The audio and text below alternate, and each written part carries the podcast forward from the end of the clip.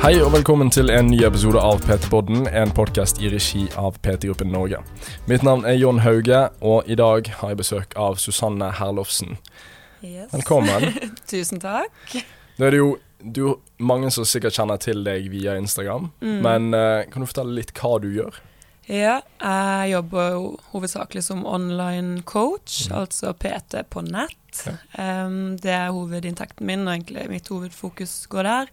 Jobber også litt med Instagram og litt sånn diverse her og der, men uh, hovedsakelig online PT, på en måte. Ja. Ja. Vi kan vel gå ut med med en gang at du, hvis noen kjenner noen, så er du på jakt etter sponsorat hos Monster. ja. Ja. Please, spons meg med Monster. det er tomt i alle butikkhyller nå. Du kan sponse oss òg, forresten. Det hadde ikke gjort noe. Men eh, Vi snakket så vidt om det før podkasten begynte. Men Mm. eh, du tok utdannelsen din også av PT, sant? Yes, Ja. det gjorde jeg i 2019. Ja. Og så begynte jeg som online coach og PT på senter egentlig samtidig, med en gang jeg hadde tatt eksamen. Mm. Nesten litt før egentlig fikk liksom begynt opplæringa og heve meg Ja, inn det er litt. så ja. Og det var på et senter i Kristiansand? Det var på senteret i Kristiansand. Ja. Yes, på bare trening. Ja, For de Mm. som ikke plukket opp på dialekten. si det. Nettopp. Og så Entire Body. Entire Body, ja. Mm. Da, der ble jeg jo på en måte headhunta mens jeg tok utdanninga, i og med at jeg hadde en følgerbase på Instagram fra før, og de så potensialet i meg. Mm. Um, og da ja, var det bare å hive seg rundt der og begynne å få navnet mitt ut der på Instagram, og Mm. eh, prøve å få tak i noen kunder som hadde lyst til å jobbe med meg. Um, og de jobber jeg jo fortsatt med, Mm. så det er veldig bra. Herlig. Ja. Hvordan syns du den overgangen var, da? Til å jobbe online Ja. for, i forhold til fysisk, på en måte, eller bare For det var vel òg den, den fysiske treningen som sto i fokus under PT-utdannelsen? Ja, man har jo ikke gjerne- så mye fokus på, på en måte hvordan du skal trene folk online Nei. i selve utdannelsen, egentlig. Hvis ikke du tar en egen online-PT-utdannelse, på en måte. Nei, men det har de jo Det har de jo fått Ja. nå i, under korona, i hvert fall, tror jeg. Men for det, det er jo For alle da som hører på og er PT-er, så er det jo Mm. Jeg syns iallfall det er ganske lett face to face med folk. Mm. Sant? Og for du kan spille av reaksjoner. Ja, Sant? Du kan se hvis du slår an en spøk, om den går, går i hop eller ikke. ja. Eh, og så er det bare lettere kommunikasjon vanligvis, sant? og du Ja. ser hverandre i øynene. Så det at jeg føler jo det er ganske lett. Mm. Mens eh, Nå er ikke jeg en gammel generasjon, jeg er 30 år, men allikevel så er det liksom teksting og, og ting over gjerne FaceTime og sånne Mm. ting, uh, er jo en helt annen case. Virkelig. Og um, det merker jeg merker også forskjell på aldersgruppene. Når man Mm. har online coach-kunder, så er det litt sånn å snakke med en mann på 50 år er en helt annen enn en dame på 20. Ja, det er mye tomler opp. eh, Ja, det er ja. en tommel opp, kanskje bare et punktum, og så er det sånn Ja, OK. kan ikke slå an en spøk der. Nei. Mens eh, med de yngre så er det jo ofte både hjerter og latterfjes og masse emojier og intern humor. Og, Mm. Så det er veldig forskjellig, men det finnes jo selvfølgelig de 40-50-årene også som, eh, som er veldig morsomme. Ja. Så det blir et godt forhold, selv om man på en måte aldri møtes. da. Ja. Det er egentlig det som er veldig givende, at man føler man kjenner kundene. og Jeg har hatt et par kunder som måtte ha har kommet tilbake igjen etter noen måneders eh, pause hvor de har prøvd seg på egen hånd og sånt. Mm. Og da husker jeg jo navnene, jeg husker casen, og, for man blir såpass nære de da, Ja. og involvert i livene de sine. Så det er veldig, veldig fint, selv om man aldri egentlig møter de fysisk. Ja, for det, det er Når du da står med noen fysisk face to face, da, Mm. så er det jo lettere for, for deg òg. Altså vanligvis, jeg jobbet som PT i åtte år, så var mange av kundene mine som visste mye om meg. ja. Og når de gjør det, så har de jo lettere for å liksom dele. Mm. Mens her så Jeg føler du klarer liksom å gjenskape det med hvordan du er på sosiale medier. da. Ja, jeg tror at de fleste Altså, jeg får jo de fleste online-kundene gjennom sosiale medier, Mm. og det er jo på en måte der folk føler at de kjenner meg, da. Mm. Eh, og at de blir kjent med meg fordi jeg deler mye der og er personlig og kan tulle og vise på en måte det som er ekte da i mitt liv. Em, og da føler jeg at kundene også tør å åpne seg og relatere seg til meg som menneske, også ikke bare som en PT, på en måte. Mm. Um, så selv om ikke jeg nødvendigvis deler alt fra mitt liv når vi har samtaler i en chat eller sånn, da, så, så følger de jo med. Og hvis jeg har skrevet noe på Instagram, så kan de gjerne kommentere det i uh, online coaching-chatten, på en måte. Ja. så det, man merker at de føler at de har et forhold til det fra før av ofte. Derfor så velger de jo gjerne deg også som coach, da.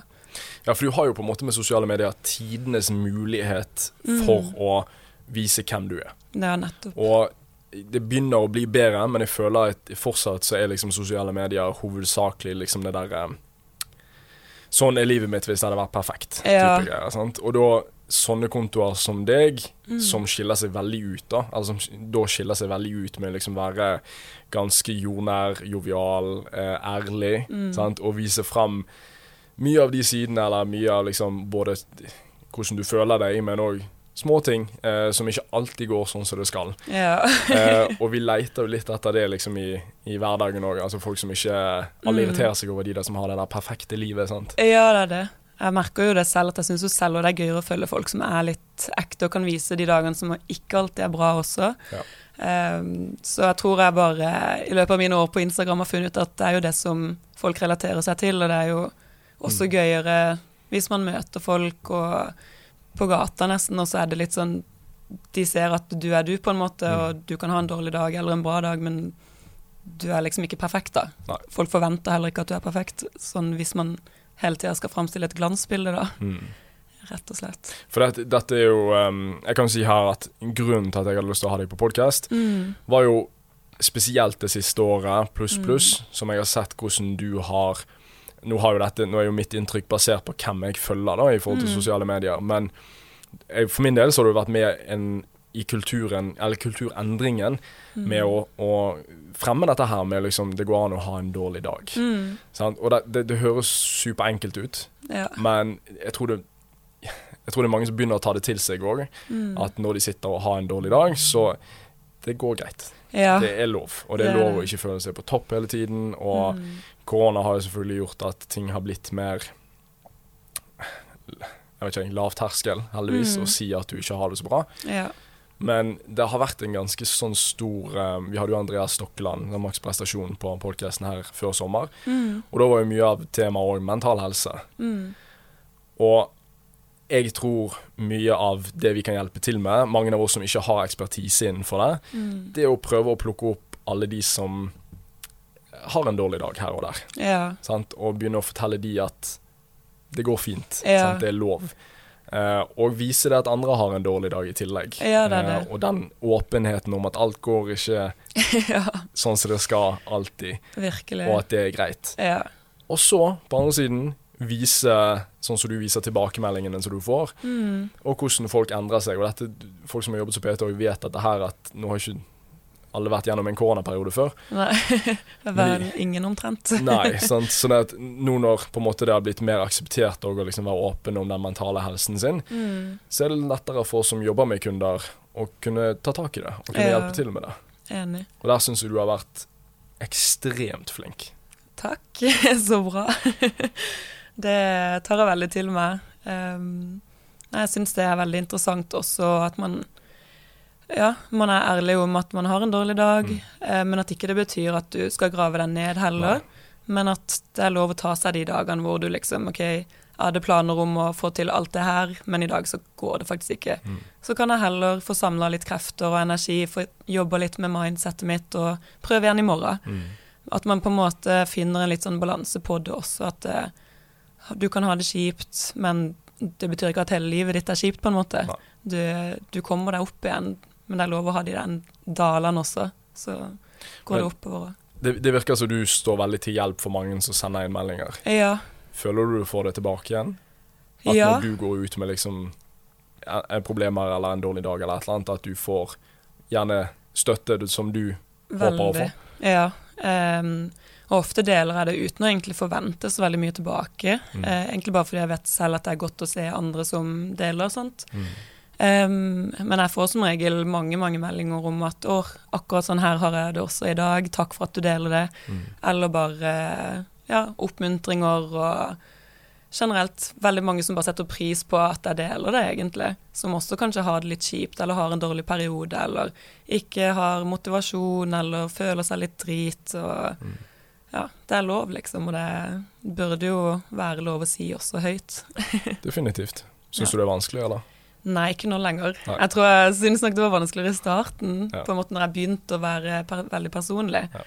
Og så må man finne den balansen mellom det som føles bra å dele, og det som på en måte blir for nært en. Mm. Um, men jeg det, sier gjerne at jeg har en dårlig dag. Jeg har snakka om eh, at jeg gikk psykolog, at jeg har slet med panikkangst. Og, men igjen så har det liksom gitt meg mange erfaringer som jeg kan bruke med kunder og på Instagram, og bare føle at jeg liksom Nå når jeg har kommet dit jeg er i dag, så vil jeg gjerne kunne være liksom et forbilde eller et slags sånn Se det går fint, på en måte. så nei, jeg tror man har godt av å se litt sånn at ja, ting rett og slett ikke alltid er bra, da.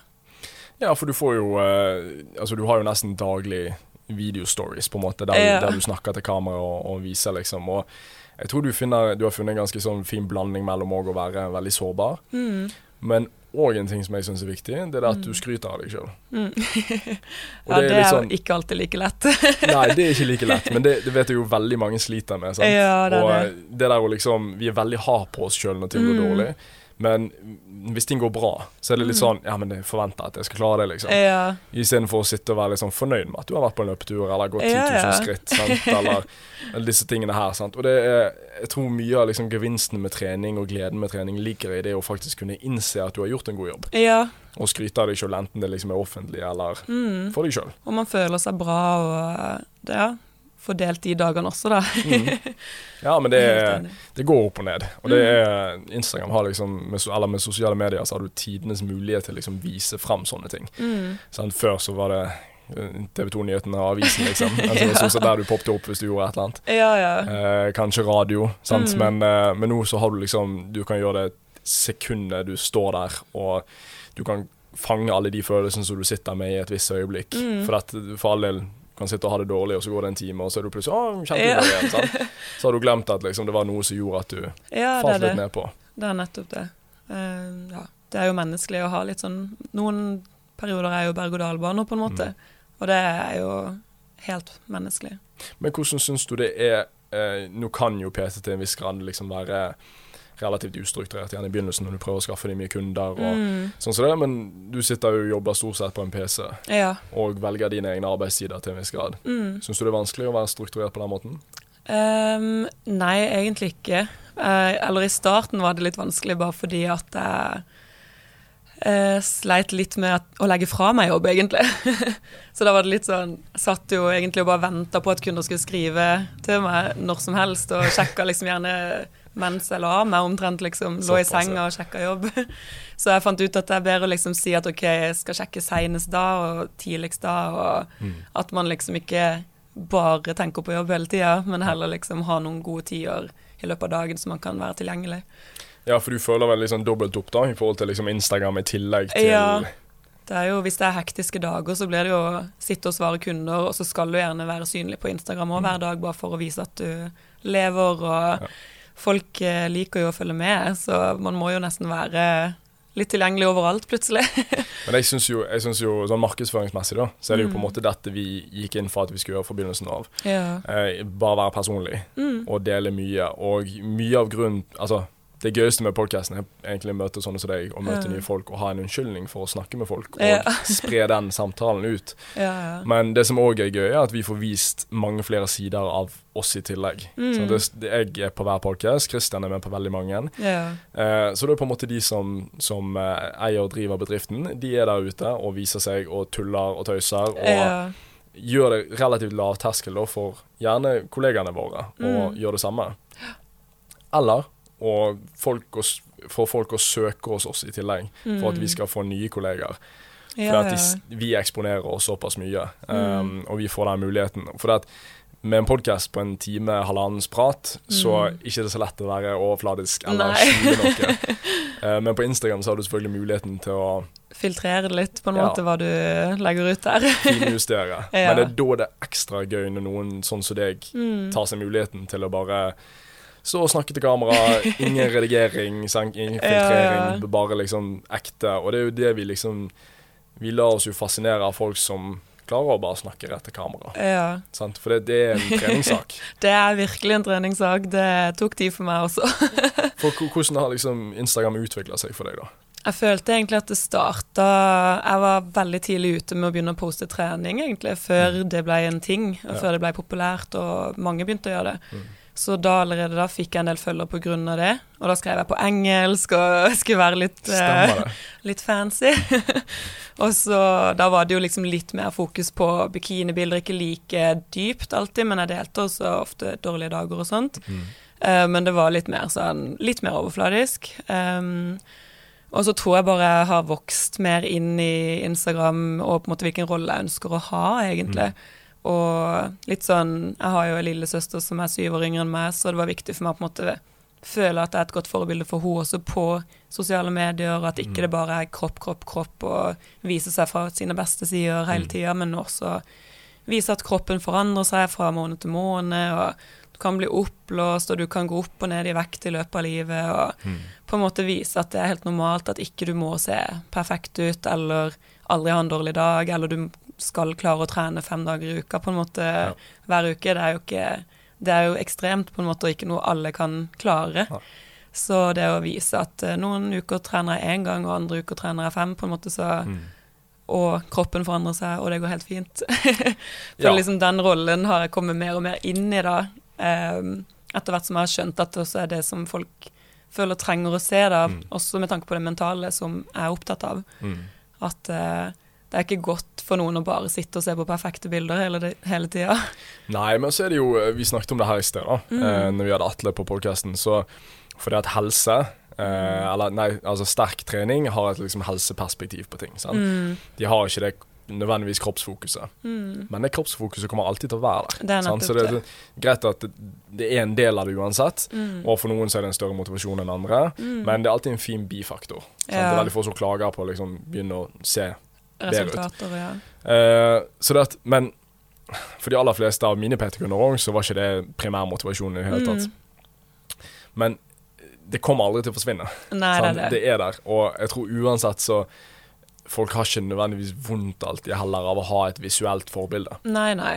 Så det at oh, selv om liksom vi er på vei vekk fra veldig mye liksom bikinibilder og sånne mm. ting, eller barisbilder med, med gutter og sånn, så jeg, jeg syns nødvendigvis det har sin plass for det. Ja, ja. Og jeg tenker man skal jo også tåle å se alle slags kropper. Yep. Man kan ikke på en måte sensurere kropp eh, hele livet. Nei. Men det som er fint, er jo når du går i garderobe på trening eller går på stranda, så ser du faktisk alle kropper. Det er liksom mm. ikke bare de her perfekte som eh, kanskje er redigert eller eh, fra sin beste vinkel på Instagram, men du ser jo faktisk at folk lever. Du puster ja. jo, du holder ikke pusten i ti sekunder på stranda, på en måte. eller sånn.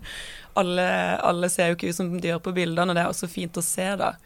Um, men så syns jeg man skal tåle selvfølgelig også de perfekte bildene, egentlig. Ja, jeg, altså, jeg kjenner ikke så mange som legger ut bilder av seg sjøl, uansett hvordan de ser ut. Mm som ikke er fra den beste vinkelen Nei, de vet. det er det. så det at uh, Altså, jeg er veldig trygg på meg sjøl, men jeg òg har en tendens til Nå vet ikke, nå har jeg glemt om jeg sitter riktig side eller ikke. ja, jeg har, jeg har min fine side mot kamera. ja, jeg har òg en god side og en dårlig side. ja. Og noen podcaster så tror jeg du kan se at ene podcasten så sitter jeg liksom på ene siden, og så på andre siden, så, eller andre podcasten, så har jeg bedt Christian om å bytte side. For da har ikke jeg vært fornøyd eller et eller annet. Så, ja, er Liksom alt... Man vil nok alltid være litt bevisst, selvfølgelig. ja, så det, det, ligger jo noe i oss alle at liksom vi har lyst til å presentere vår beste side. Absolutt. Ikke bare visuelt, men mm. hvem vi er, da. Og ja, hvordan vi er som personer. Så, um, men dette går jo litt inn i, um, i Entire Body som på en måte mm. visjon, da. Ja, du snakker litt om den? snakka vi jo litt om i stad, at uh, Entire Body som jeg jobber med, det har jo et veldig sånn helseperspektiv på, på hele greia. At mm. uh, det handler ikke om å få de mest ekstreme resultatene eller få lavest mulig fettprosent eller bygge mest mulig muskelmasse nødvendigvis, da. Mm. Eh, men at vi har fokus på de her små endringene for å forbedre folkehelsa og ja, at liksom folk får mer kunnskap, da, for jeg føler det er mm. kunnskap egentlig som må ut der for at ja. folkehelsa generelt skal bli bedre. Eh, så ja, fokuset der er veldig mye på bare gi folk den kunnskapen og de små rutineendringene og vaneendringene i hverdagen. Mm de kan fortsatt spise det de liker, og leve livet og ta seg en fest og kose seg, men man har liksom litt mer kunnskap om mengder og matvarer mm. og hverdagsaktivitet, og liksom forstå hva som egentlig skal til bare for å ha en god helse, egentlig. Ja. Trenger ikke å bli slankest mulig eller ja, se ut på en viss måte, men at man har det bra i egen kropp, og Mm. som igjen også har mye å si med det mentale, da. At man gir kroppen det den trenger av næring og aktivitet, så Mm. føler man seg ofte bedre også og har liksom mer energi og litt mer å gå på selvtillitsmessig og ja, føler på mestring. Så jeg føler det er hovedfokuset egentlig til de fleste coachene hos Entire Body, i hvert fall, og også ledelsen, og at Mm. vi liksom skal spre den kunnskapen, da. Så det er veldig gøy. Ja, det er, jo, det er jo den Altså, alle syns jo stort sett ting er gøyere når de har kunnskap om det. Det er nettopp det. Og når liksom folkehelse på en måte Altså din egen helse er eh, noe du er nødt å passe på Ja, uansett. Eh, og da er liksom Jeg kjenner til veldig mange som har fått en helt ny hverdag, bare de har fått bitte, bitte litt Ja. informasjon. Og vi som har drevet med dette i mange år og elsker liksom alt sammen, med trening og ernæring og Mm. alt sånt, vi sluker jo alt. Ja, ja. Uh, og jeg tror vi tar for gitt av og til at folk vet uh, hvor mange kalorier det er i Ja, ja, eller virkelig.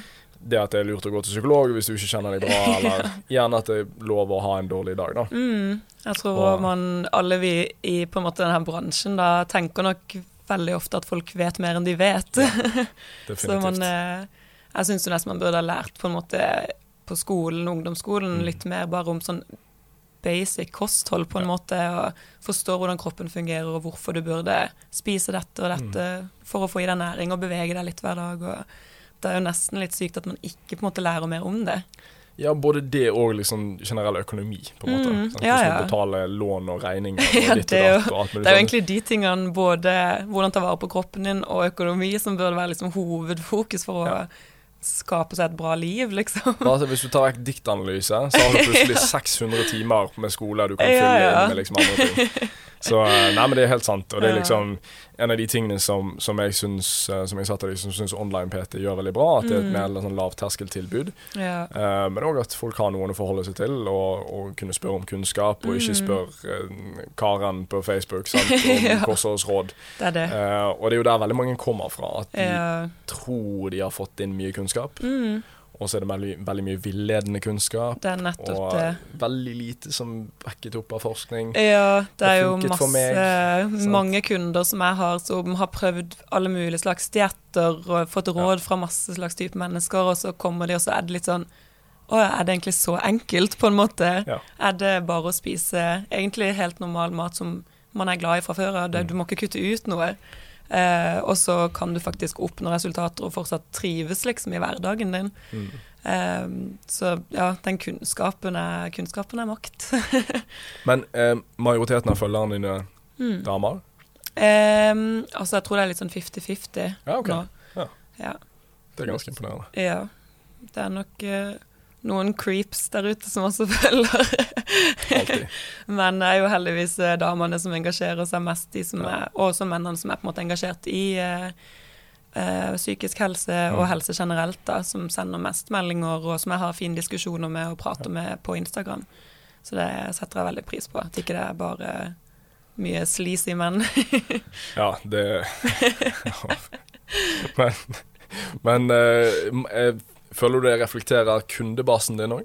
Ja, det er nok Altså, kundebasen min er helt klart mest kvinner. Ja, OK. Men uh, har jo menn også som hele tida er inne i systemet. Mm. Uh, mennene er litt enklere ofte, vil ikke, skriver ikke hver dag, liksom. De Nei. har den der uh, faste dagen i uka, eller hvis de mestrer noe, så er det litt gøy å sende en melding, men de er Mm. liksom litt mer forsiktige. men uh, det er veldig, veldig gøy å ha begge, både menn og kvinner. Altså det, Mm. Man merker at det er veldig givende å kunne jobbe med alle slags folk, på en måte, alle aldre og alle livssituasjoner. Ja, veldig gøy å kunne nå ut til mange. Men når eh, begynte du egentlig med litt mer sånn åpent fortelle om deg sjøl og syke, og, og gjerne snakke om disse tingene? Er det, er det mange år siden, eller? Det er jo sikkert tre-fire år siden. Ja. Det var jo Altså, jeg gikk gjennom litt sånn tung periode, og da delte jeg mye uten å på en måte egentlig fortelle hva som skjedde. Mm. Eh, men når jeg på en måte var gjennom det, så var det lettere også å snakke om eh, at jeg hadde slitt med liksom panikkangst og sånt. da, og eh, for min del så var jo nettopp trening veldig sånn terapi. Mm.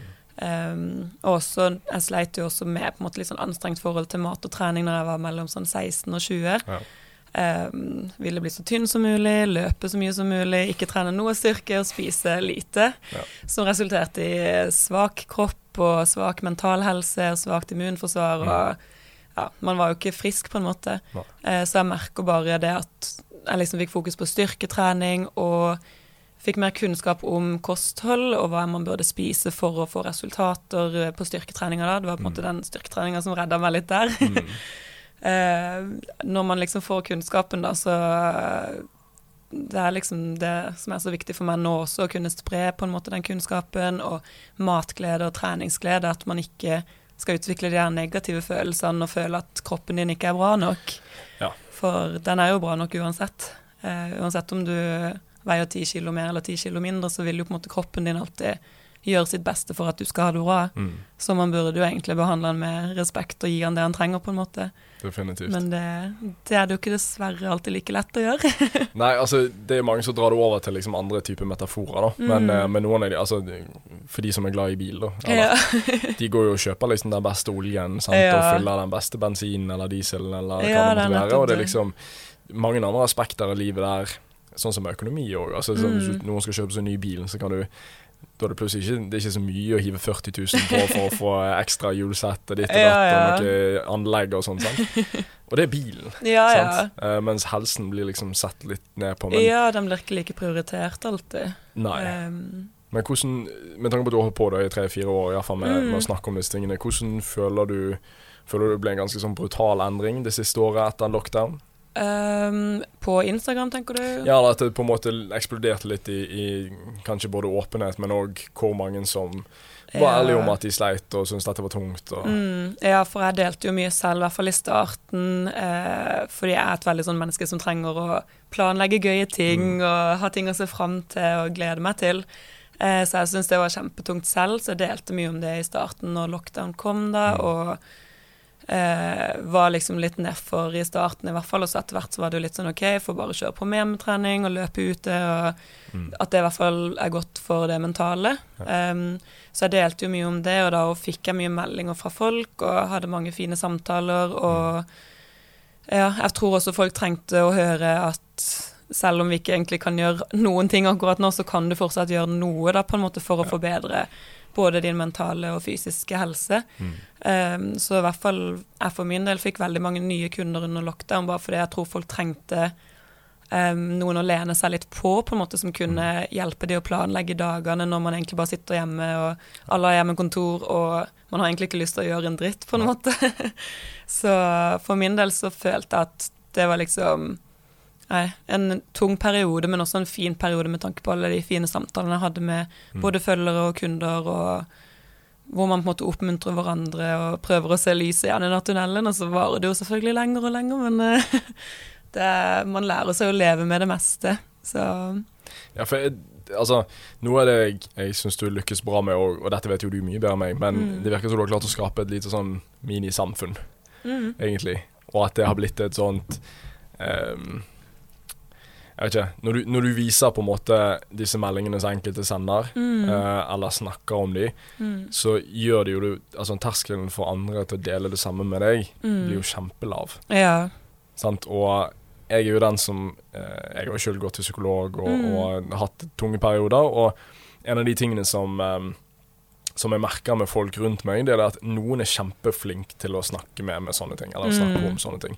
Mens andre er litt mer nervøse fordi at de vet ikke helt hvordan de skal svare. Mm. Men jeg tenker sånn i forhold til folk som sender melding til deg, mm. så for noen så er det bare å liksom si det. Ja. Det er ikke nødvendigvis responsen de får, men nei, bare å være åpen om det. Mm. For da er sannsynligheten for at de tar neste steg og går til en psykolog, eller snakker med noen som mm. faktisk kan hjelpe dem, eh, enda mye lavere. Ja, og det er sjansen er mye større, sorry. Nettopp det. Ja. jo, jeg får jo mange meldinger av folk hvor jeg kjenner at liksom OK, jeg har egentlig ingenting bra å komme med her, for jeg har ikke fagkunnskap til å hjelpe, men det er, også, det er jo nettopp det at da oppmuntrer jeg jo som bare det til å liksom gå og ta en prat med fastlegen din, mm. oppsøk eventuelt privatpsykolog om man har råd til det, liksom ta tak i helsa og den, både den fysiske og mentale, og prøve å finne ut av hva som fungerer for deg, på en mm. måte. Mm. Um, for det er jo mange som kanskje ikke tør å prate med de de har i sitt eget liv, men som heller sender meg en melding på Instagram, på en måte. Ja. Uh, og da det er jo, Jeg føler meg jo bedre på en måte over det, mm. men uh, det er jo ikke alle man kan hjelpe. Nei. Så det er viktig også at folk tør å ta tak, da. Sånn, I hvert fall når de først har fått lufta det og fått det ut der, Mm. så tror jeg også kanskje det er lettere å ta det steget videre når de på en måte skjønner at ok, det er jo ikke egentlig så farlig å si det hvis jeg bare tar kontakt med riktige folk, da. Ja. Mm. Føler du um, Eller det er jo veldig tydelig å se på en måte at det gir deg mer enn det tar, dette her med Instagram og Mm. sånt, men jobben som online-coach er jo på en måte én ting. yeah. Men dette med liksom være en Instagrammer der du òg forventer at OK, men jeg må vise at jeg lever, sant. Jeg Ja. og gjør ting. Syns du det er slitsomt, eller? Uh, nei, egentlig ikke. Um, for der også, det kan jo være dager hvor jeg poster mindre eller Mm. mer, eh, og jeg gjør litt som jeg selv vil, men uh, det gir meg såpass mye positivt at jeg egentlig bare syns det er veldig gøy. så selv om det er hektiske dager og det er mye som skjer, så liker jeg å gi et livstegn fra meg der, og sjekke DMs og prate med folk hvis noen har noe på hjertet. og jeg syns egentlig bare det er veldig fint, og noe som gir meg mye i hverdagen, egentlig. Ja, for det, det jeg skrøt veldig av deg for, for en tid siden, det var jo det at Mm. det er gøy å se at du faktisk har holdt ganske den samme stilen Ja, hele veien. ja. Og det er jo stort sett det som går igjen hos de som lykkes relativt bra, da. For at Mm. du bare, folk vet hva de har forventa hos deg. ja. Sant? Og når noen går inn og følger deg, så er det fordi at du leverer et produkt som varer over tid. ja.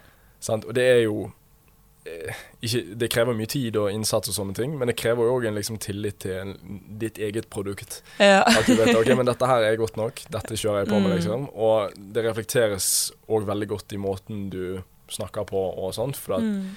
det er veldig, veldig tydelig hvor lidenskapelig du er om både jobben din og livet ditt og Mm. Bambi, sant, din og, og alle disse tingene. Og det er, for mange så tror jeg det er utrolig gøy å se, liksom. Ja. for bare disse her stort sett bildene uten kommentar om noen ting, Ja. som majoriteten av Instagram er, så Mm. blir det litt som en sånn type kjendisgreie at veldig mange føler at de kjenner deg, Mm. fordi at du er så åpen og deler så mye. ja. Og det er helt kanon. Ja, jeg syns det er veldig gøy. Og jeg har jo aldri hatt noen plan i det hele tatt. sånn, Min søster har liksom gått markedsføring, og hun var litt sånn 'Jeg kan hjelpe deg å vokse på Instagram', og sånt. Mm. Og så prøvde jo vi å planlegge ting, men det blir jo bare til at jeg bare tar opp kamera når jeg selv har lyst, egentlig, og så er det bare litt sånn Ja, det tas på sparket egentlig hele tida. Ja, for du må jo være veldig komfortabel. Mm, ja, og jeg syns jo det er gøy å bare kunne ta en prat på Story, og så Mm. får jeg litt respons og litt tilbakemeldinger. Og jeg bare syns det er skikkelig hyggelig, egentlig. Ja, for det føles mm, som følger, da, så føles Mm. det ut som du bruker Instagram som din dagbok. Ja, det blir litt sånn nesten. De sånn, I dag skal jeg dette, og jeg gjør dette, og føler meg sånn og sånn. Eh, og det Ja, syns egentlig bare det gøy. Kommer du veldig fort over den frykten om at 'jeg tror ikke noen bryr seg'? Ehm, jeg tror egentlig aldri jeg har hatt helt den frykten, bare fordi at jeg har egentlig, jeg tenker ikke over hvor mange som følger meg. så jeg tenker at jeg deler til familien og venner, og så er det plutselig mange tusen andre som også ser på. Mm.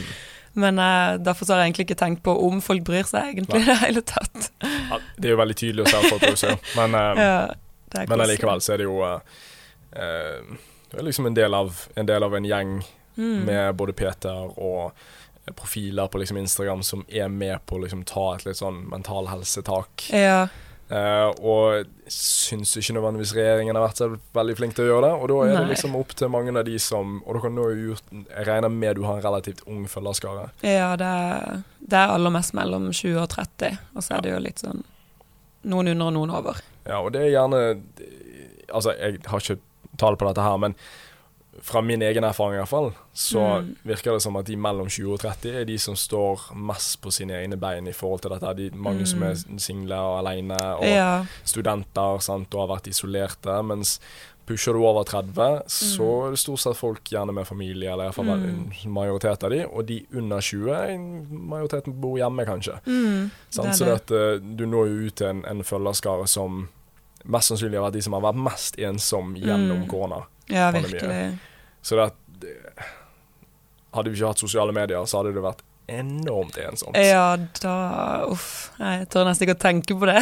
Så nå har vi iallfall muligheten til å se at ikke bare naboen sitter inne og kjeder seg, Ja, men men alle liksom alle sitter inne og kjeder seg. Det er Eh, nettopp det. og dere i Oslo har hatt det vesentlig verre enn hva vi Eh, har hatt i. Bergen. og Stavanger. Det var Så- sånn når folk klager over at treningssenteret var stengt i to uker, Ja, så er det sånn ja. Ja, Mm. Bor i Oslo. Ja, vi var veldig Seks måneder. selv. Ja, vi var ganske forsiktige sjøl, men liksom ikke der for det der. Å nei. Det var det, det var noen av kundene mine også som skrev sånn Å nei, nå er senteret stengt her i en uke. Og så Ja. fikk jeg melding rett etterpå bare sånn Å, sorry for at jeg gnir det inn, for jeg vet det har vært stengt hos deg i fire måneder allerede. så Ja, det var sykt, det det er sykt, ja. Men merker du òg på folk nå at lettelsen har vært, og vaksiner og sånne ting, og at folk begynner å leve litt mer normalt? Ja, det er ikke like mye meldinger lenger om på en måte den ensomheten, i hvert fall, og at ting er like tungt. Um, men så tror jeg også mange på en måte Det er jo hele tida, når det står så mye i nyhetene og sånt, man har jo hele tida en litt sånn underliggende bekymring, tror jeg. Ja. Og folk er nok mer stressa enn man tror. Jeg føler liksom at det kommer til å ta tid før folk er trygge på at ok, nå er vi good, på en Mm. måte. For at, ja Jeg kjenner jo på det selv også. At man er jo hele tida litt sånn nervøs for at shit, blir det stengt ned igjen, eller kommer det noen gang til å ende, liksom? Ja, det var jo ny smitterekord i Yes, går. det var nettopp det. Så, men vi så jo en litt annen situasjon sånn vaksinemessig òg. Ja, det er det. Ja, det er jo ikke så mange som blir innlagt, og Nei. det er jo mest smitte blant de unge og yngste. Så jeg håper i hvert fall at vi bare At vi ser enden på det snart.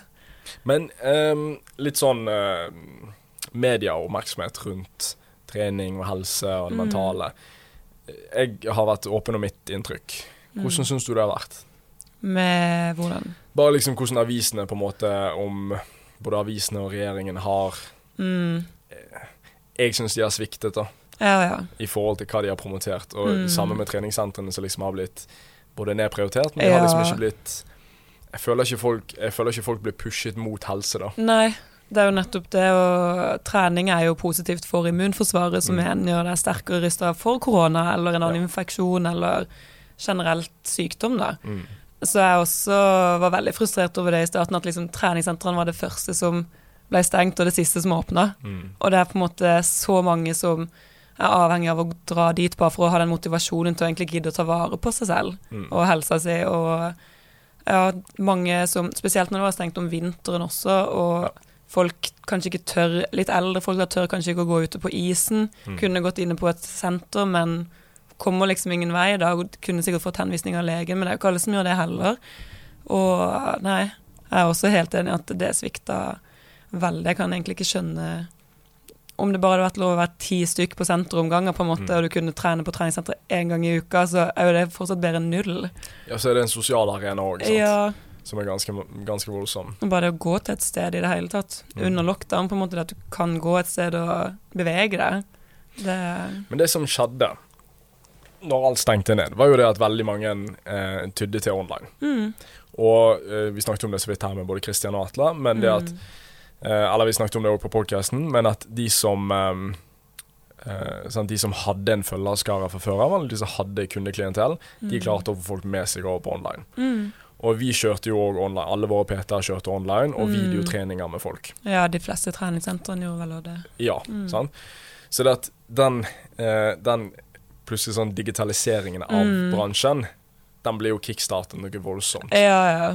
Merket dere veldig det i forhold til liksom hele entire body, og, og hvor mange som oppdaget på en måte online-trening? Mm, ja, jeg tror mange på en måte har fått øynene opp for at man ikke nødvendigvis trenger et treningssenter heller for å få tatt en økt, på en Mm. måte, og for å holde seg aktiv og ja, få i seg den riktige maten og sånt, men at du også kan klare ting på egen hånd uten senteret, på en måte. Mm. Eh, men igjen, ja, nei. Det var helt klart mye, mye nye kunder da, som trengte det pushet i riktig retning når sentrene var stengt, men det var også mange som skrev nettopp det, i hvert fall mange kunder som jeg hadde når lockdown kom, som egentlig hadde programmer for senter, eh, som veldig mange mista jo motivasjonen med en gang, og hadde nesten ikke lyst til å fortsette å gjøre noen ting, på en måte. og når jeg lager hjemmetreningsplan, så er det sånn åh, men det her er så kjedelig. og så er det sånn jeg vet, jeg er helt enig, men nå må vi bare holde oss i gang her, liksom. Um, så ja, nei, jeg tror treningssenteren kommer til å være veldig viktig uansett, og jeg håper jo at hvis det noen gang blir en sånn type lockdown igjen, at regjeringa også ser det. Mm. Um, det er jo ja, som sagt viktig for motivasjonen også, bare det at man kan gå der og se folk og bevege seg og ha det riktige utstyret uten å måtte bruke mange tusen på å kjøpe sitt eget utstyr. Ja, jeg, det, det, var ganske mange som heiv på eh, ganske ja. mange 10 000 kroner der hjemme i gymmet sitt. Yes. Men eh, jeg, altså, jeg, jeg, hadde ikke trent hjemme. Nei. Jeg var, helt, jeg var ute og syklet og litt sånn som det der, men å ta pushups hjemme det var liksom, Jeg tror jeg tok 200 pushups en dag. Og så var jeg sånn Nei. Nei, Dette her er ikke vitsen. Det går ikke. Nei. Og det var liksom, det, for min del, jeg er veldig glad i å gå på, på treningssenter, men jeg er òg glad i å gå på treningssenter når det er mange folk der. Ja. Eh, for jeg føler at eh, jeg, altså jeg presterer bedre når det er andre folk som jeg føler ser på meg. Ja, vet det. Jeg kan sånn, kjenne til den. Nå må du levere, liksom. Ja, ja. Eh, så når da ingen så at jeg tok pushup, så var det liksom ja, det blir litt sånn Hvorfor skal jeg gidde? ja, så bare sånn Jeg venter til liksom åpner igjen. Ja. Jeg tror for min del så var det motiverende faktisk at jeg delte det på Insta og ja. med kunder. For å motivere de, så måtte jeg nesten gjøre det selv også. Ja. for ellers så blir det litt sånn ja, nei, jeg gidder heller ikke å trene, så Men du må trene. ja, sant. Ja. Men det er òg noe i forhold til alt du deler på Instagram. Mm. Hvor mye føler du at du er nødt til å være et eksempel til etterfølger? Um, jeg føler jo, fordi at jeg på en måte har en balanse som jeg er veldig fornøyd med, da, så mm. føler jeg at jeg kan være et godt eksempel for de fleste av kundene mine, i hvert fall.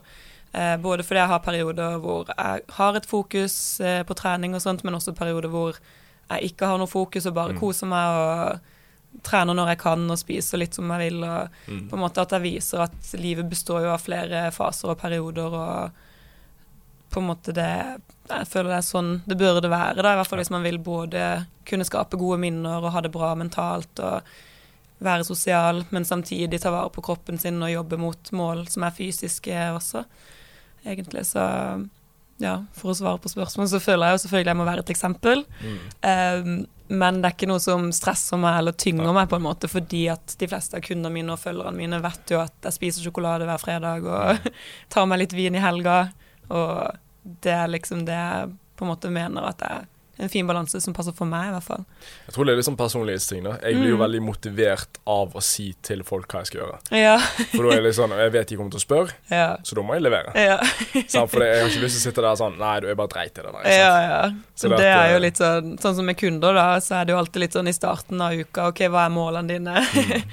og da, hvis man først har skrevet hva målene er, så vil man jo gjerne kunne si sånn OK, men jeg klarte det. Mm. Så er det alltid litt sånn ah, nei, det gikk ikke helt veien, men ja. det går jo greit. men jeg, jeg, merker jo at det sosiale medier òg har hjulpet på, det er jo på en måte normalisere hvor mange som har et eh, helsefokus mm. med trening. Mm. Og når jeg begynte å trene for en 12-13 år siden på mm. treningssenter, og eh, skal jeg bare si så kjip Altså, jeg hadde åtte-ni år der jeg ikke drakk alkohol. Oh, Gud. Eh, så jeg har brukt de siste årene på å hente det igjen. Ja. Men, eh, men, jeg kunne liksom komme på et forspill og med venner og ha med meg liksom Tupperware-mat. Ja. Oi, oi, du var den, ja. Jeg var den, sant. Og det var jo ikke akseptert i det hele tatt. Uh, det var noe av min vennegjeng, mens det var folk rundt der som liksom bare sånn Hvem er han der, hva gjør han her? type sånn. Mens, Og ikke det at nødvendigvis akkurat det liksom Nei, og jeg tenker Hvis du trivdes med det, så er det jo greit, men det spørs om du egentlig syntes det var gøy på en måte og hadde det bra med det, da. Ja, jeg hadde vel egentlig det, mm. uh, så lenge maten var god, vel å merke. Men, men, jeg tror egentlig bare det der at folk har et uh, både kroppslig, men òg litt sånn det er så mange grunner til å gå og trene. Ja, det er det. Så jeg føler det at folk eh, kan si nei til ting fordi at mm. det er lov å si at nei, jeg skal på trening. Absolutt. Sånn, skal du være med og spise middag, skal du være med i familiebesøk, mm. et eller annet. Nei, jeg skal på trening. Mm. For når jeg ble PT i 2012, så merket jeg at folk hadde vanskeligere Altså for hvert år som har gått, så merket jeg at mm. folk har mye mindre problemer med å kansellere andre ting mm. for å møte opp på en PT-time. Ja. Eller på treningssenter generelt sett. Mm. Og jeg hørte mindre og mindre av unnskyldningene sånn ja, fikk du trent de fire gangene forrige uke? Nei, ditt og datt, sånn, ditt og datt. Sånn. Og plutselig så var det ingen unnskyldninger mer. Plutselig så var det sånn Jeg har ikke fått gjort de andre tingene fordi at jeg har vært her. Ja. så jeg føler egentlig sosiale medier har vært, eh, og personer som deg spesielt, har vært med på å liksom bidra til at folk har Eh, det har blitt mer sosialt akseptert å prioritere det mm. foran andre ting. Absolutt. Og det gjelder også å finne balansen som funker da, for en mm. selv, på en måte. Og at du kan være med på det sosiale også, men kanskje ikke hver dag hele tida. Men også tror jeg også folk har godt av å på en måte kunne koble av og fokusere på seg selv på trening. Mm. Ikke alltid takke ja til alt, på en måte. Ja. Det er jo Man blir jo sliten av det også. Ja. Um, men igjen så er det også sånn, selvfølgelig skjer det noe veldig spesielt, så skal du ikke tvinge deg på den ene økta, og Nei. gjør ingenting om du mister en økt her og der. Um, men ja. ja. Nei, for det er jo Jeg føler at når du får en kunde til å liksom si nei til noe de vanligvis ville sagt ja til, fordi mm. at de skal på trening, så har det, da har det klikket et eller annet i hodet. Så bare sånn, mm. nå vet du at nå er de på rett spor. Ja. Merker du det med kunder òg, i forhold til tilbakemeldinger, at de ja, og så tror jeg ikke nødvendigvis at de takker nei til nei. ting, da, men at de på en måte legger opp dagene sine litt annerledes og planlegger bedre. Ja. Egentlig sånn at de både kan få tid til det sosiale og treninga, helst. ja, de fleste har egentlig mer enn nok tid. Ja, det er jo nettopp det. Om du, du skaper jo tid hvis man vil, og så mm. kan man jo også i starten av uka planlegge at ok, disse dagene passer det bra å trene, da gjør jeg det da. Og så får du også tid til å gjøre andre ting. Um, I hvert fall for min del så er det viktig at liksom kundene mine føler at de kan leve et normalt liv og ikke ofre for mye heller for å oppnå målene sine, men at de, at de finner en balanse som funker for hverdagen, hvor de både får inn aktivitet og trening og god mat og næringsrik mat, eh, men også kan ta seg en fest eller være med familie og mm. venner.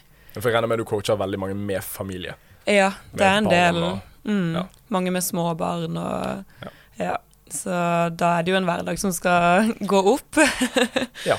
Yes. Så da, nei, da er det jo også litt sånn OK, rekker man en liten økt i hvert fall mm. Eh, i løpet av dagen? Ja, det gjør man. Ja.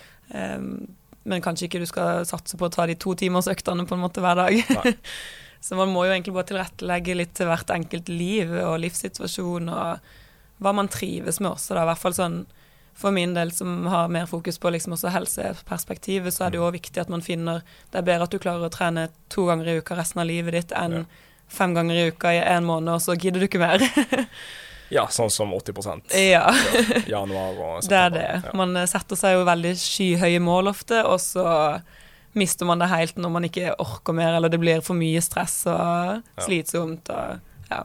Men hva syns du er den største utfordringen da, med å jobbe online? Uh, det er jo egentlig Det er jo på en måte bare det her med at jeg står jo aldri der og pusher en kunde eller kan vite nøyaktig hva den kunden gjør hver dag. liksom sånn Jeg må jo stole på at de gjennomfører det jeg er rådgiver og veileder med. Mm. Uh, og så vet man jo egentlig aldri hva de gjør. så det tror jeg på en måte sånn at hvis man da ikke får de resultatene man ønsker, eller sånn, så er det jo alltid litt sånn OK hva kan ha vært liksom utfordrende, og da er det jo viktig at kundene er ærlige. Så hvis en kunde ikke på en måte tør å kommunisere ordentlig og, og, være ærlig om hva som kanskje ikke har gått så bra, eller hva som ikke føles bra, så er det jo vanskelig for meg å hjelpe. Mm. Eh, for jeg er jo avhengig av at de tør å fortelle meg det som ikke går bra også. og det er det jo ikke alle som gjør heller. Og da, da kommer man jo ikke alltid så veldig langt, sånn totalt sett. Nei, for jeg, jeg føler det går igjen at de kundene som er mest ærlige med de mm. de dagene eller de tingene som går galt, mm. det er stort sett de som klarer seg best. Ja. Fordi at de feilsøker seg sjøl. Ja. Eh, og når du kan si det til noen andre, så du står da, som jeg sa til deg, folk trenger å ha noen så de liksom eh, skal rapportere til. Mm, for da får de sagt det høyt, eller de får sagt det til noen. Ja. Ikke sikkert liksom konen har lyst til å si det til mannen, eller mannen har lyst til å si det til konen, eller hva det måtte være. Så det å ha noen liksom OK, men her må jeg være ærlig. Og mm. med en gang du skriver det til, til, deg, så blir det sånn Ja, faen, jeg har ikke gjort det, nei. Ja. ah, pokker. Ja. ja. Og da er det sånn, er du ærlig med hva du er svak på, så har du mm. tendens til å bli ganske sterk til slutt. Ja, det er det. Da er det lettere å jobbe med, og man får jo erfaring også, og kan heller lære av det enn mm. å grave seg ned av det, men heller huske på at liksom OK, dette var vanskelig denne uka, mm. hvordan kan jeg gjøre det bedre neste uke? Uh, og hele tida få den progresjonen på egentlig vaner og rutiner og det som ikke føles bra. At man liksom finner ut av ok, hva, hva kan man gjøre for at det skal føles bra. da. Men merker du at folk, at kunder er, kanskje iallfall i starten av et samarbeid, er, mm. har større fokus på ting som gikk galt, enn ting som gikk bra? Uh, det går litt sånn i perioder. Jeg føler i og med at man er menneskelig, så er det plutselig dårlige perioder. Selv om man, kan ha hatt det i tre måneder eller fire måneder, mm. så kan det plutselig komme en nedtur, for det kan skje noe personlig, det kan skje noe ja, med private ting som er vanskelig, som mm. påvirker på en måte rutinene og helheten, og det, det har jo jeg full forståelse for. Ja. Eh, og da handler det mer om å tilrettelegge rundt den situasjonen, da, og hva som er galt eller kjipt, eller ja, egentlig. Nei, det er ikke Altså, mulighetene du har på en måte gjennom, uh, gjennom sånn som du promoterer deg på Instagram, Mm. så er det jo det at du uh, Sånn som jeg jo sa til deg, at uh, når du får delt så mye av deg sjøl, Mm. så deler du på en måte til på en måte alle kundene samtidig. Alle Ja. får det samme inntrykket av deg. Mm. Sånn, Du er ikke én person med én kunde og én person med en annen kunde. Nei, nei. Så kundene som kjøper PT hos deg, eller kjøper online coaching, de Mm. kjøper du basert på På hvem jeg er, liksom. På hvem du er. Mm. um, Men det merker du, altså du sa 90 kommer stort sett fra sosiale medier. Hvor, Ja. Er det liksom anbefalinger eller andre ting de siste prosentene kommer fra? Eller? Ja, typ anbefalinger og folk som bare går inn på entirebody.no eller Ja, .com .com ja. eh, og bare velger å se den coachen de tror funker best for de da. Så ja, 90 er jo sosiale medier, egentlig. Ja. Men dere merker vel veksten det siste året på Entire Body? Ja, det har eh, Jeg tror det gikk veldig fint for de fleste, sånn i hvert fall under lockdown, og når folk bare Shit, eh, hvordan skal jeg holde på rutinene? Mm. Eh, og så trenger jo folk alltid veiledning. Eh, man har jo ikke all kunnskap i verden som regel, og da er det godt å ha noen å lene seg på, og noen som kan hjelpe å planlegge i forhold til din hverdag, og Mm. hvordan du kan nå dine mål, da. Eh, og så er det veldig mange som begynner med fysiske mål, og at de Mm. vil ned så og så mye vekt, eller bygge så og så mye muskelmasse, bli så sterke. Eh, og så ender det egentlig bare opp med at de plutselig bare har laget seg en helt ny hverdag og føler seg bedre mentalt, og at det ofte er nesten der de merker hovedforskjellen, da. Selv om det også skjer ting fysisk, selvfølgelig, så er det på en måte det mentale har plutselig mer å si for Jeg mange. Jeg tror, ehm, jeg tror det er noen som ikke helt tenker over hvor positivt eh, det dere gjør er for treningsbransjen sånn generelt Mm. sett. Og veldig mange treningssentre har jo ikke PT-er i det hele tatt på sentrene. Mm. Eh, og sånn sett har du fem PT-er på, på et senter, og de er fullbooka, så er de fullbooka òg i tillegg. sant? Og da er det Mm. mange som ikke kan få hjelp. Ja, det det. Og det hadde vært gøy å vite liksom Folk som har lyst til å kjøpe PT sånn fysisk, Mm. har jo sine grunner for det, og kommer jo alltid til å gjøre det. Mm. Men for levedyktigheten til eh, kundene på et senter, Mm. at de får oppfølging et eller annet sted, Ja. og så mange nøkkelkortsentre som vi har fått i Norge, Mm. så står nok dere for mye av grunnen til at mange ganske mange både drar der, men òg er der over tid. Mm. Så for de òg får mer mestringsfølelse fordi at de får mer kunnskap. Ja, det er nettopp det. sant? Så det er jo eh, Det er veldig gøy. Tenker du over det? Nei, jeg har egentlig ikke tenkt så mye over det, Nei. men eh, det er jo veldig sant. Og ja, med en gang folk forstår hvordan de skal trene, og hvordan man kan trene, og hvilke treningsrutiner som passer, så vil de jo også fortsette på et senter lenger. Eh, I forhold til at man bare drar en gang iblant, går litt på mølla og tar noen øvelser her og der, og egentlig ikke forstår helt kanskje mekanismene i kroppen, og hvordan man skal stimulere til muskelvekst eller eh, styrke. og ja, jeg tror eh, det at man har et program og en person som følger opp og forklarer litt rundt treninga, da gjør nok helt sikkert at flere gidder å fortsette. Ja, altså tallene er ganske klare på det. Altså På, på treningssenteret så er det de kundene som har PT, som har abonnement lengst. Mm. Ja, for da har de den kunnskapen, på en måte. Ja, Mm. eh, så det at, eh, at folk får oppfølging et eller annet sted, og, og sånn som vi også snakket om før podkasten begynte, det er det at det er så Atle sa det var mellom 15 og 20 Mm. eh, av Norges befolkning som trener på et treningssenter, og Ja. ganske mye å ta av. Ja, Det er ganske mange som fortsatt ikke gjør det. Mm. Og ikke, igjen ikke det at alle er nødt til å gå på et treningssenter, men vi vet at veldig mange mangler Mm. 90 minutter med fysisk aktivitet i uken. Ja, ja. Og hva var det, 30 som har rapportert om at de har blitt mindre aktive Mm. gjennom korona. Så det er mange folk som trenger oppfølging. Altså. Ja, virkelig. Eh, og styrketrening og, og sånn som det, er det jo stort sett bare PT-er og coacher og sånt som står for. Mm. Sånn, Det kommer ikke fra så mange forskjellige andre aktører. Nei, det Eh, er sant. Og det, det trengs, Ja. og det kommer godt med. Og det er, tror jeg vi som har vært PT, kan gå god for at uh, Mm. tilbakemeldingen fra kunden er ganske, Ja. kan være ganske ekstrem av og til. Ja, ja. Og det er jo, det er jo nettopp det her med helse. Da. Det er så viktig for å ha en frisk og sunn og velfungerende kropp, egentlig. Bare det å trene litt hver uke. Trenger jo ikke å være ekstrem, Nei. men bare få inn en økt eller to i løpet av uka, så har du gjort ganske mye allerede da. Mm. Um, det er så viktig bare sånn For min del så er jo en av mine hovedmotivasjoner nesten å Jeg har lyst til å være sprek 80-åring. jeg vil være sterk og elsker når jeg går på trening, og det er liksom sånne eldre damer som løfter kjempetungt, og jeg bare blir sånn Det vil at, jeg vil at det skal være meg. du skal være 80 år og ta 100 i, ja, i i markløft. ja. Nettopp. Det er ganske badass. Ja. Nei, jeg føler det er liksom Det er jo det som er på en måte framtida, eller sånn. Mm. Man burde i hvert fall ville være sprek som gammel også. Det er jo sånn man lever lenge og får et godt liv med en kropp som fungerer, Mm. tenker jeg.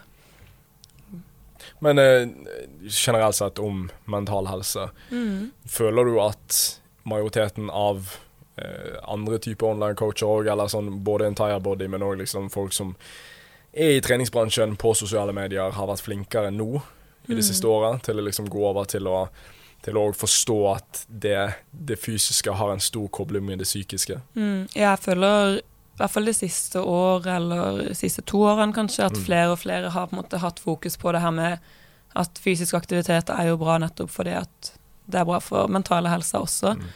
Um, det er jo mange som fortsatt har mye fokus på det ytre og oppnå de her resultatene så og så fort og litt sånt, da. Eh, men jeg føler også at flere og flere i hvert fall skjønner at det mentale er viktig å ha fokus på. Da. Det hjelper jo ikke å, å på en måte sulte en kunde i en måned for å få veldig bra før- og etterbilder, og så, og så har ikke den kunden det bra og klarer ikke å leve sånn videre, på en måte. Um, så det er så viktig å liksom heller finne de her varige rutinene, og hvor man også har hodet med seg på laget. Syns jeg, i hvert fall. Det er litt sånn gøy òg, da. Altså for at du får jo som coach og PT og sånn, så får du jo involvert deg på en mye større måte. Mm. I forhold til bare styre kosthold og trening, så kan du være med på liksom OK, men hvordan skal dette være levedyktig over tid? Ja, det er det. Hva funker faktisk for hver enkelt, og Mm. ja. Merker, merker du at det er mange kunder som um, Dette er ikke så lett å svare på, kan jeg si, sånn uh, online-messig, men uh, vi merker iallfall både med mine tidligere PT-kunder, men òg Mm. PT-kunder som, som mine kollegaer har, at de er De har PT mye lenger enn de eh, sånn læringsmessig trenger. Mm. Sånn, Mange kan bli skal forsiktig med å bruke ordet utlært, men mange kan lære ekstremt mye på et senter, Mm. men fortsatt ha PT over veldig lang tid. Mm. Og det er jo stort sett fordi at de føler den koblingen og knyttet, at de er knyttet til den PT-en som de har, Mm. men òg at de liksom Dette er et høydepunkt i uken. Ja, ja. Enten det er liksom med en PT, eller liksom treningen generelt sett, at kunnskapen har økt såpass mye at gleden Mm. har økt i takt med den, Mm. med den kunnskapen. ja, ja. Merker du det at liksom hvordan hverdagen til folk er, Mm. jo mer kunnskap de får? Ja, og jeg har jo kunder som også bare fortsetter. Jeg har kunder som har hatt det i over et år, som Mm. bare egentlig bare liker å ha den derre oppdateringer på hvordan Mm. ting har gått, og det trenger ikke engang være så detaljert, men det er bare litt sånn 'Denne uka har jeg fått til det her og det her og det her', og Kult. 'dette gikk ikke like bra, men uh, nå er jeg klar for en uke', og det virker som at de bare man liker den nære tryggheten av at det er noen å prate med, og noen å lene seg på, og noen som følger deg litt opp. Mm. Um, ja. Så jeg merker absolutt, og jo mer kunnskap kunder får også, jo mer eh, Mange blir jo ofte mer nysgjerrige også, vil lære mer, på en måte, og Mm. spørre mer og mer om okay, hvordan funker dette, burde jeg gjøre dette, hva er dette, liksom. Og det er jo kjempegøy at folk blir nysgjerrige, og det viser jo bare at det er mange som ønsker å lære mer om nettopp kosthold og trening, og Mm. hvordan på en måte skape en god helhet da, i livet sitt, som man kan drive med gjerne resten av livet. Mm. Men du hintet til noe her for et par dager siden om eh, en mulig retur til liksom å være fysisk PT på et treningssenter. Ja, det er jo veldig gøy å kunne se kunder i øynene og ja, være liksom til stede fysisk og prate med folk og sånt. Så det er jo absolutt noe jeg vurderer kontinuerlig. Eh, foreløpig så har jeg jo nok å gjøre eh, online, og det skjer stadig nye ting her og der, men eh, det er absolutt noe som jeg kunne tenke meg å gå tilbake til etter hvert. Eh, samtidig som at liksom coachinga blir nok hovedfokus, det kommer nok alltid til å være. Men jeg hadde syntes det var gøy å ha liksom noen PT-timer her og der, bare for den, den fysiske, menneskelige kontakten, da. Det er, det er ganske få som klarer å gi helt slipp på det. ja. Det er ganske, altså Vi òg har et par eh, Jeg har ikke så mange som, som jobber deltid, men Mm. fortsatt så jeg kjenner jo vanvittig mange som har jobbet deltid, fordi Ja, at de har gått hjemmefra full, og så klarer de klarer ikke gi opp. ja. De må liksom ha et par kunder igjen, for det, det er et eller annet med eh, Altså enkelte dager liksom med, Mm. med fem, seks, syv, åtte, ni PT-timer kan Mm. være kjempetunge, ja, ja. men så sitter du igjen med liksom en enorm en sånn lykkefølelse. Ja. Fordi at det har gått så bra, det har vært så mye folk, og de er så happy. Og, Ja, ja, men jeg føler det er litt sånn For man kan jo, jeg trener ofte med søsteren min. da Ja. Går man inn på et treningssenter, og så er det kanskje Vi kan til og med gå og krangle på veien dit. Mm. Være i dårlig humør og sånt. Og med en gang vi begynner å trene, så er plutselig humøret helt i taket. og krangelen er glemt, alt er fint, og man bare Du kjenner liksom at eh, endorfinene og energien bare stiger med en gang man liksom kommer i gang, da. Og det er jo det som er veldig gøy med PT-kunder også, at du liksom merker at folk har kommet inn litt trøtte og slitne, og så når man begynner økta, så, så blir man plutselig veldig gira. så det er helt klart noe av det som er veldig givende med å ha fysiske PT-timer, syns jeg. Um, så ja, det vurderes. Ja.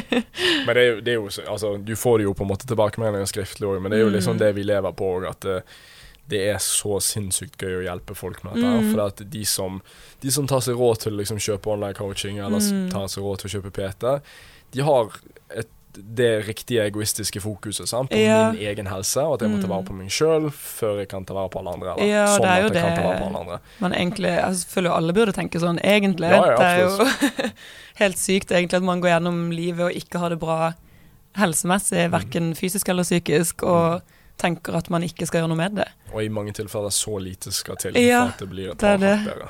Ja, ja, ja. Det er snakk om noen måneders oppfølging, så har du liksom kunnskap du kan bruke resten av livet. Mm. 呃 Og jeg kjenner man blir engasjert av å snakke om det. Ja, så er det Skulle liksom ønske alle bare Alle ville bare investere litt penger i å få den kunnskapen. mm. For det er så sykt viktig for å ha det bra da, resten av livet. Ja, og så tror jeg som Peter, da, for alle som både har lyst eller holder på å utdanne seg som Peter, og, Mm. og sånn, så, og er Peter, så er det den lykkefølelsen av å få disse tilbakemeldingene. Ja. Sant? Og se at folk setter pris på kunnskapen som vi har tilegnet oss, Mm. og som vi gir til de, og lærer de opp. Og Mm. jeg vet ikke, jeg, jeg syns det var veldig gøy å, å prate med kunder eh, altså i etterkant av jeg, Mm. I etterkant av at jeg sluttet som PT, Mm. for å se at de fortsatt Hvordan holder på liksom, gått, ja. ja, gjerne samme rutiner, og gjerne har funnet andre ting som de Mm. likte å gjøre treningsmessig. Fordi at jeg vet ikke, Noen trener jo for, for eh, ja, Alle trener jo for forskjellige årsaker, men Mm. noen trener sånn at de skal klare en, en, tur til Galdhøpiggen eller en tur til Mount Everest, eller Ja, ja. klare å seile over eh, Europa, var det en som Atlanterhavet var det en som jeg hørte om i går. Men folk har jo forskjellige mål med treningen. Ja. Noen tar litt kortere tid, andre tar litt lengre tid. Men Mm. å bare høre sånn Hvordan gikk det der? sant? Ja, og det, jeg oppfordrer jo alltid mine online-kunder hvis de slutter eh, å skrive til meg på Instagram hvordan det har Mm. gått eh, om en måned eller to, på en måte. Og eh, da er det så gøy de gangene hvor det er sånn Nå har jeg satt ny PR, Mm. og jeg har gått ned så og så mye, og den kunnskapen de har fått, da har de liksom klart å bruke riktig til å bare fortsette. Ja, det Og det, er- det er så gull. Man blir så glad da. Mm. Så det er helt klart det som er Altså, det er jo en drømmejobb å kunne få jobbe med å faktisk hjelpe folk Mm. til bedre livskvalitet, egentlig, og bedre helse, og også bare den kunnskapen. Det er kjempegøy. Det reflekteres veldig i, eh, i eh, markedsføringen som du legger ut. Mm. uh, det virker, det, det virkes, virkes ikke som markedsføring, egentlig. Mm. Du er liksom bare deg sjøl og pusher ut det der. Og Mm. det er veldig tydelig å se i tilbakemeldingene at du skaper tillit hos folk. Mm. Det er ganske imponerende. Det er godt å høre. Nei, det er viktig med å kunne være åpen og prate med ja, kunder og folk på Instagram og sånt. Det er veldig viktig for meg at man kan ha noen gode samtaler. Det som, det som er det eneste neg eller litt sånn kjedelige med, med sånn som dere holder på, det er at det hadde vært gøy om dere klarte å måle de skikkelige ringeffektene av Mm. budskapet du pusher ut der. Ja. Sant? Og jeg, jeg har snakket en del med Andreas Stokkeland, Mm. eh, og sagt at jeg kjenner folk som, som han ikke snakker med, som Mm. følger han, som har endt opp med å gå til psykolog, Ja, og sant? i noen tilfeller har gått så langt at det har liksom det har tatt den Mm. drastiske, gode, riktige retningen på livet fordi at de fikk hjelp. Ja, ja. Fordi at han har sagt at det er greit å gå til psykolog. Ja, det er det. Så det er liksom Jeg lurer òg på det, sånn helhetlig, liksom. Ja. Hvor mange når man egentlig ut til som faktisk gjør noe, men aldri sier noe? Ja, for det er mye lettere å komme med negative Ja. Så eh, Nei, det, det er liksom det eneste som hadde vært litt sånn gøy for, for mange av dere å vite Mm. hvor, mange, hvor mange bidrar du liksom til å hjelpe. Ja, Utenom de kundene som betaler deg, som du har kommunikasjon med. Men Mm. Hvem er det man når ut til? Ja. Ja. Mm. Det, Skulle ønske man kunne måle det. ja, Så det er jo en oppfordring egentlig til absolutt alle som, som Ja. følger deg, eller som har blitt positivt påvirket av, av ting du har lagt ut, eller ting Ja, du har gjort og sagt. At, Alle er Send hun en melding på hvorfor. Hva hun har hjulpet deg med. Ja, det hadde jeg satt så pris på, faktisk. Alt er, det er så hyggelig. Jeg elsker den kommunikasjonen Ja. med hvem som helst, nesten. Det er veldig mange gode samtaler med folk. Du gjør en veldig god jobb. Takk. det er hyggelig. Kan Men kanon. Tusen takk for at du kunne komme og stilte opp. Takk for at jeg fikk kjekt. lov. Og takk for jobben du gjør. Å, takk. Takk, takk. Kanon. Da sier vi takk for oss, og så høres vi i neste episode. Ha det.